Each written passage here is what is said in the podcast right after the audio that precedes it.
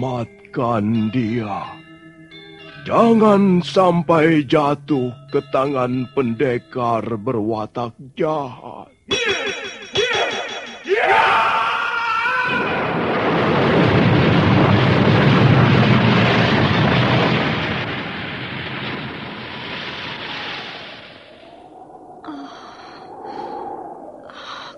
Kakang Kamandano, kau, kau masih juga tidak percaya bahwa aku, aku mencintaimu. Mesin, maafkan aku Mesin. Oh, Mesin. Oh,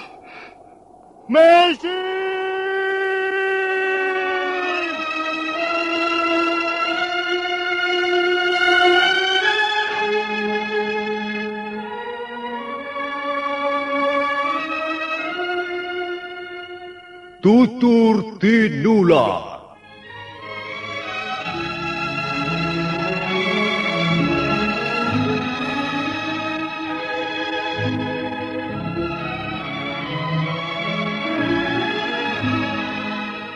Sebuah sandiwara radio serial, produksi Sanggar Cerita dan Teater Sanggar Prativi. Sebuah kisah dengan latar belakang sejarah runtuhnya Singasari dan berdirinya Kerajaan Majapahit.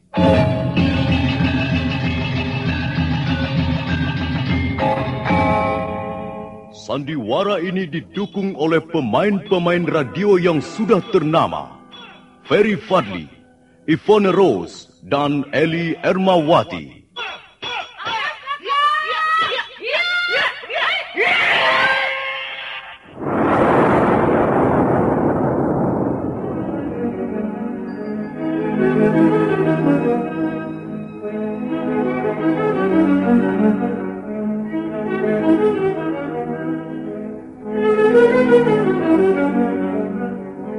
Cerita ini ditulis dan disusun oleh S. Tijab.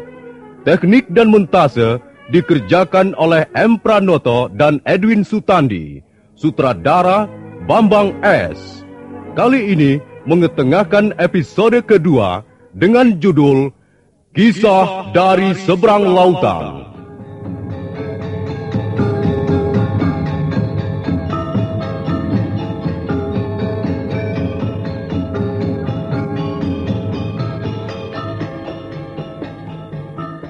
Dalam seri yang ke-49 ini didukung oleh para pemain Edi Dosa sebagai Lo Sisan, Freddy Kanser sebagai Madang Kungan, Yuli sebagai Kurantil, Withari sebagai Marangke, Wenda Lubis sebagai Langkir, Yoko sebagai Aki Lumpang, dan Nusri pembawa cerita. Selamat menikmati.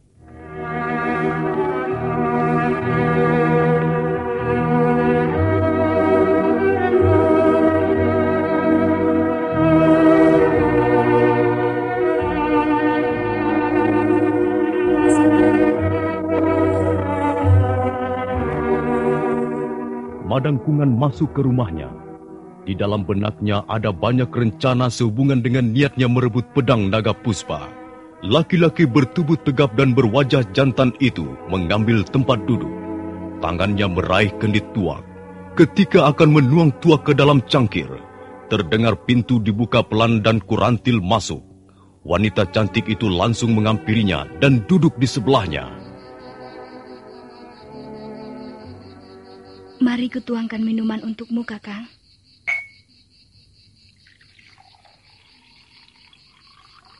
Nah, minumlah, Kakang. Mau apa kau datang kemari lagi, Kurantil? Mengapa kau selalu tidak ramah padaku, Kakang Madangkungan? Huh, mengganggu saja kerjamu. Aku selalu bersedia menolongmu, tapi masih kau katakan mengganggu. Apalagi yang bisa kulakukan yang bisa menyenangkan hatimu, Kakang? Aku tak suka terus-menerus diikuti perempuan. Aku di desa Jaban ini di rumah bibiku. Tapi kau selalu datang kemari. Aku tak percaya kalau kau tidak memahami perasaanku. Aku mencintaimu, Kakang Madangkungan. Aku ingin menjadi istrimu.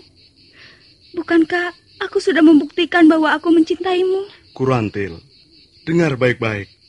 Perempuan bisa hidup hanya dengan cinta. Tapi laki-laki membutuhkan yang lain. Aku tahu. Kau seorang pendekar. Seorang jawara. Kau memang membutuhkan yang lain. Dan bukan hanya cinta. Tapi tak ada kasih sisa waktu untuk menikmati hidup ini dengan bercinta.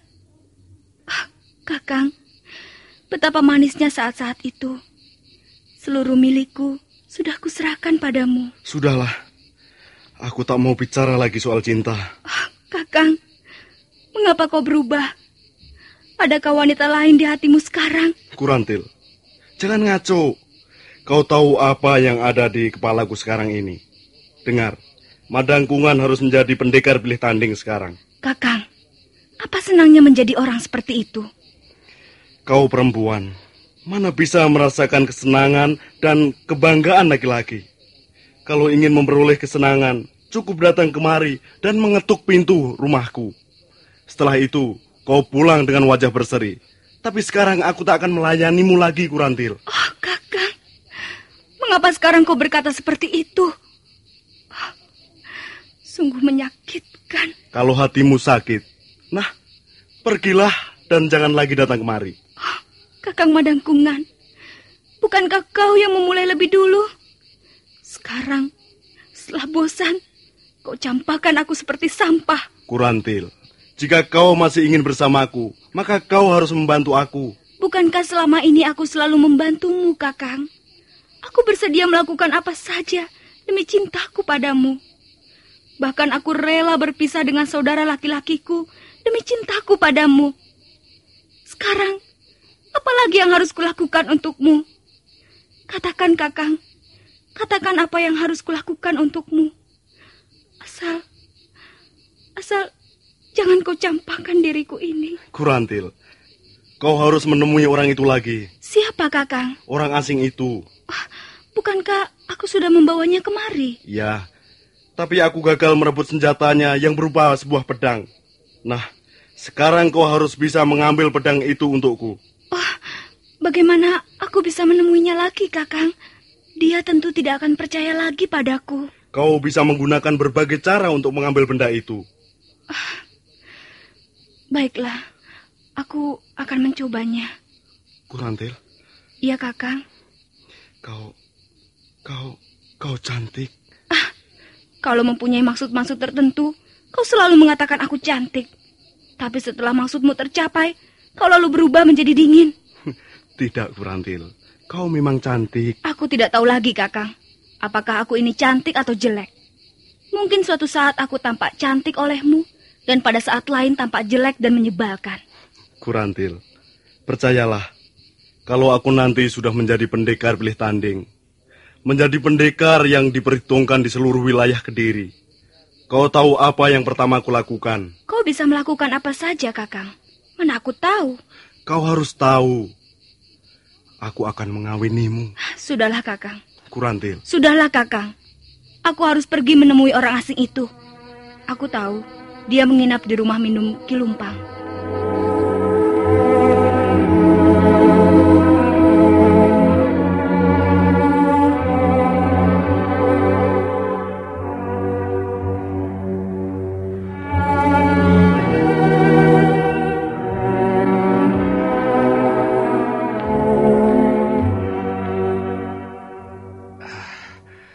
Kau memanggil kami, Kakang Madangkungan? Iya. Kalian berdua kutugaskan mengawasi Kurantil. Ikutilah dia dari kejauhan. Dia akan pergi menemui orang asing itu. Kalian, Langkir dan Marangkeh, harus menjaga keselamatannya. Awas, kalau sampai terjadi sesuatu yang buruk atas diri gadis itu, kalian yang harus bertanggung jawab. Baik, Kakang. Baik, Kakang.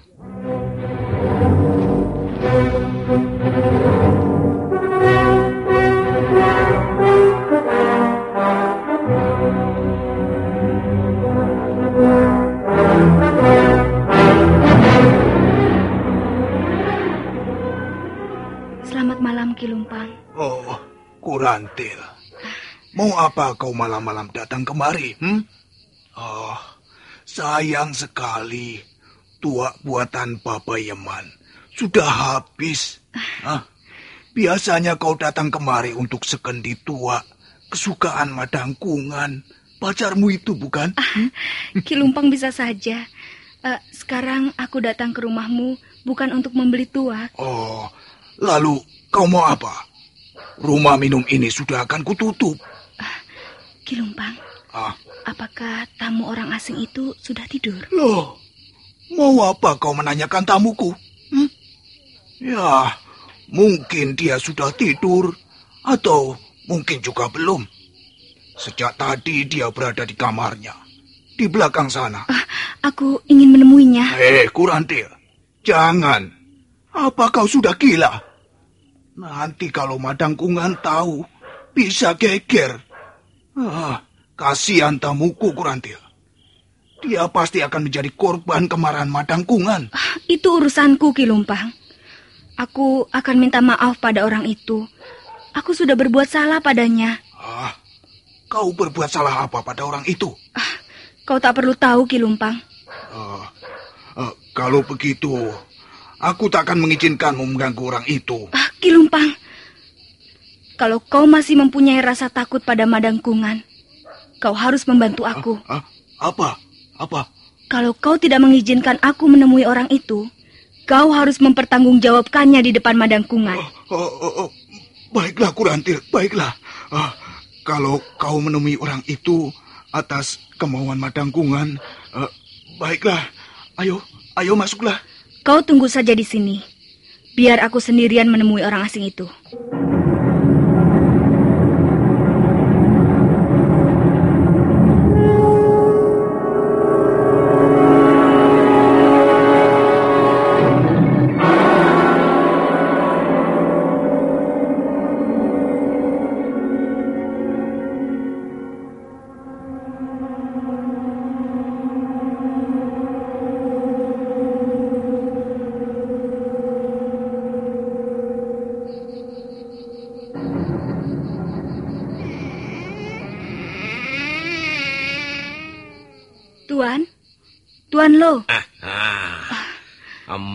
We kemari ya?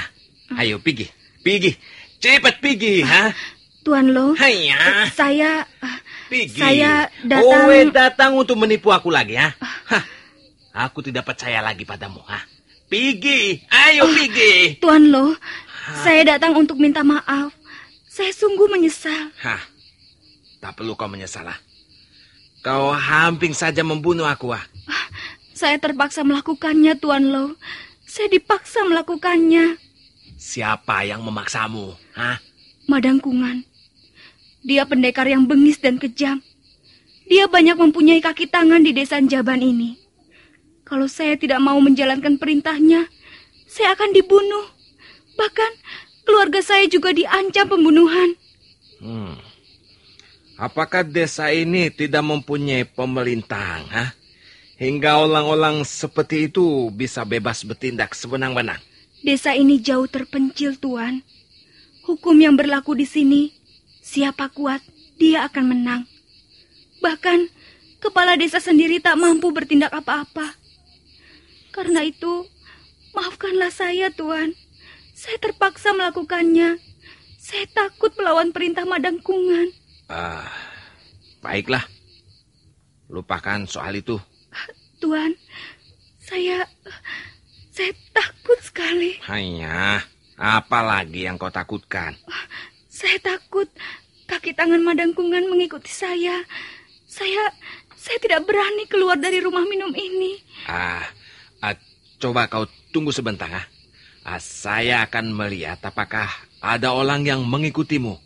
Pendekar laut tanpa curiga lagi melangkah keluar, dan kesempatan baik itu dimanfaatkan oleh Kurantil. Buru-buru dia mengeluarkan sesuatu dari lipatan kainnya dan menaburkannya ke cangkir minuman. Tak lama kemudian, pendekar laut sudah kembali lagi.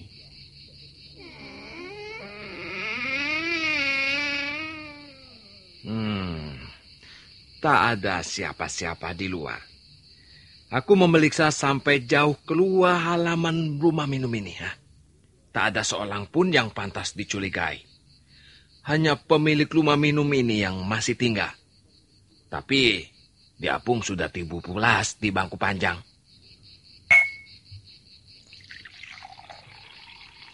Ah, kau tak perlu merasa khawatir lagi ya. Terima kasih Tuan Lo. Kalau malam ini tak ada kejadian apa-apa, besok saya akan meninggalkan desa ini. Saya akan kembali ke rumah orang tua saya di desa Pongging. Ah, jadi kau bukan warga desa ini? Bukan, Tuan. Hmm. Saya di sini tinggal bersama Bibi untuk sementara.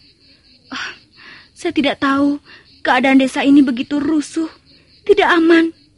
Dan semuanya gara-gara madang kungan dan kaki tangannya. Ah, baiklah. Ah, kalau begitu kau boleh istirahat di ruangan ini. Ah, dan dan Tuan Lo, Ah, aku bisa tidur di mana saja. Ah, jangan merasa tidak enak. Pakailah saja ruangan ini untuk istirahat. Hah? Pendekar Lo lalu bangkit dari tempat duduknya. Tapi mendadak dia mendekap kepalanya. Ah, uh, uh, kepalaku. racun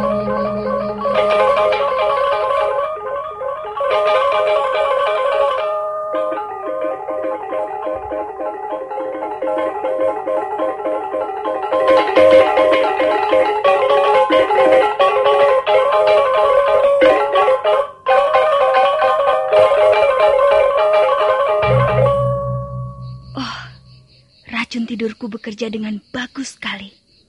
Orang ini tak akan mampu bangun sebelum besok pagi. Dia akan tidur pula seperti orang mati. Karena urat sarafnya termakan oleh racun tidurku. Hmm.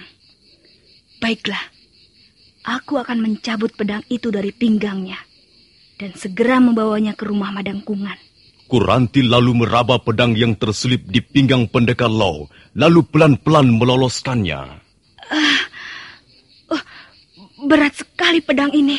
Eh, Lebih berat dari dua tandan pisang. Eh, eh, eh, Aku eh, aku harus mengambil jalan pintas ke rumah Kakang Madangkungan. Eh, Aku takut ada orang merebut senjata ini.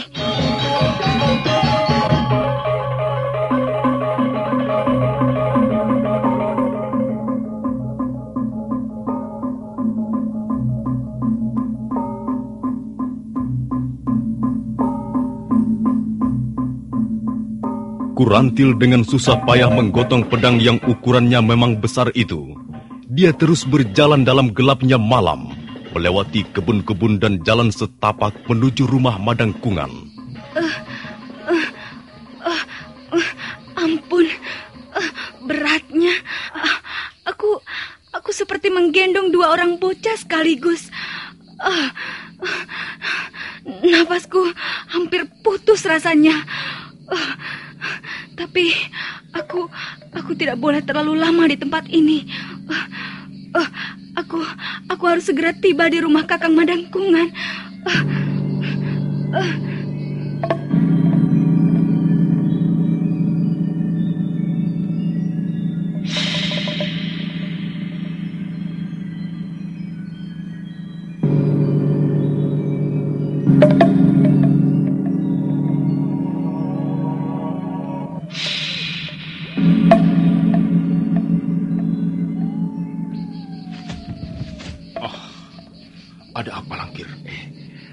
Apa yang dibawa Kurantil? Sepertinya benda yang sangat berat. Ah, apalagi kalau bukan pedang ajaib Wah, kalau begitu dia telah berhasil mendapatkan pedang itu. Wah, aku ingin melihatnya. Ah, Langkir, Langkir. Kita hanya disuruh mengikuti dari jauh. Langkir.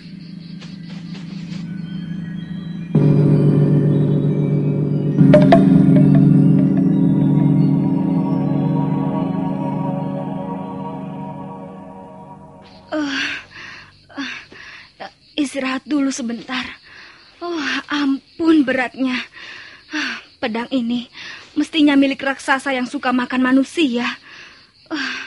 Kurantil sampai ngos-ngosan membawa pedang naga puspa ke rumah Madangkungan. Pedang yang besar itu, sementara dia istirahatkan sejenak, disandarkan di sebuah batang pohon. Pada saat hendak menyeka peluh yang mengalir di dahinya, mendadak sebuah bayangan berkelebat.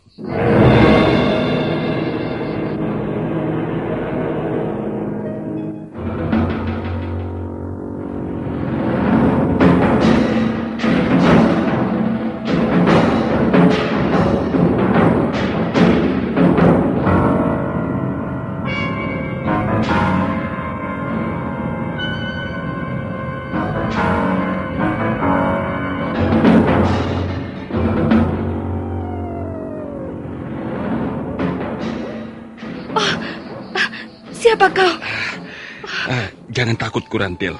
Aku langkir. Aku ingin melihat apa yang kau bawa itu. Sepertinya oh, barang yang sangat berat. Jangan, jangan langkir. Pedang ini harus kuserahkan kepada Kakang Madangkungan sekarang juga. Ah, jadi kau sudah berhasil mencuri pedang itu? Wah, bagus. Coba, coba, aku mau melihatnya. Jangan, jangan langkir. Oh, sebentar saja. Aku hanya mau melihat sebentar Jangan. saja. Lepaskan. Ah, ah, sebentar. Ah, kau ini pelit sekali. Aku hanya ingin melihat sebentar. Tidak.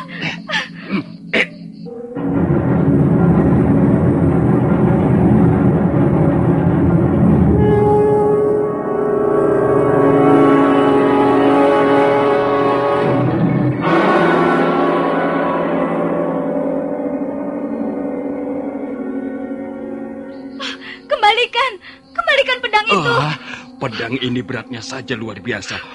Oh, benar-benar pedang yang hebat. Kembalikan. Ah, Ayo, kembalikan. Ada apa? Mengapa kalian ribut-ribut di sini? Kau Marake, lihat. Langkir telah merebut pedang itu dari tanganku. Ah, Langkir, kembalikan pedang itu padanya. Apa? Hm? Kembalikan? Rugi, ha? ha? Rugi kalau aku kembalikan pedang ajaib ini. Dengan pedang ini, aku bisa menjadi pendekar pilih tanding. Langkir. Kalau Kakang Madangkungan tahu, kau akan dicincang habis.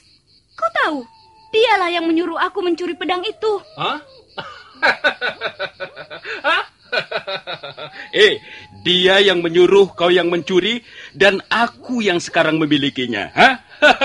Ah, kau memang manusia busuk. Ya! Ah! Cukup, Barake. Cukup. Jangan memaksa aku menggunakan pedang ini, ha? Kau sudah melihat sendiri bagaimana dahsyatnya senjata ini. Kau tidak berhak memiliki senjata itu, Langkir. Sekarang senjata ini sudah berada di tanganku. Tidak seorang pun ku biarkan mengambilkannya. Ah, aku yang akan mengambilnya, Langkir.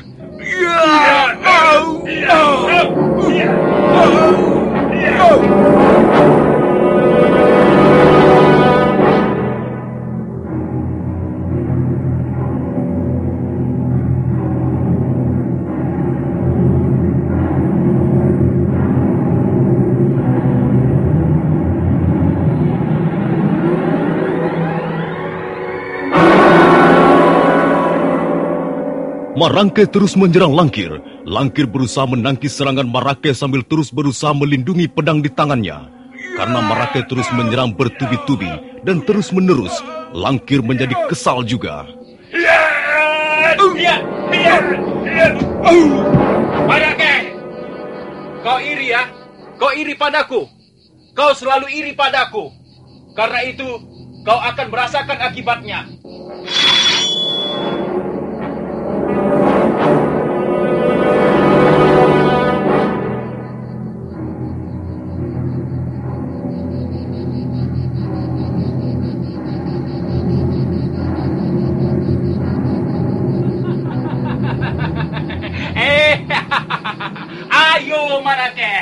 Majulah kalau kau ingin mampus.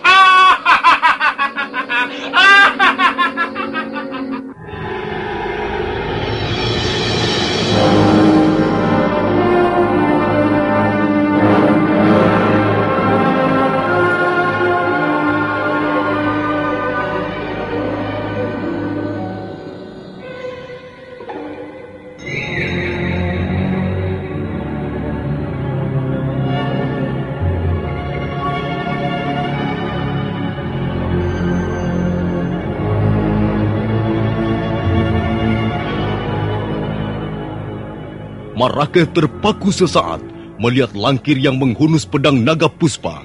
Dia mulai ragu apakah akan terus menyerang ataukah sebaliknya pergi meninggalkan tempat itu. Nah, para pendengar sekalian, bagaimana kisah selanjutnya? Apa yang akan terjadi atas diri Langkir dan Marake? Dan bagaimana dengan pendekar Lo? Silahkan menunggu seri berikutnya.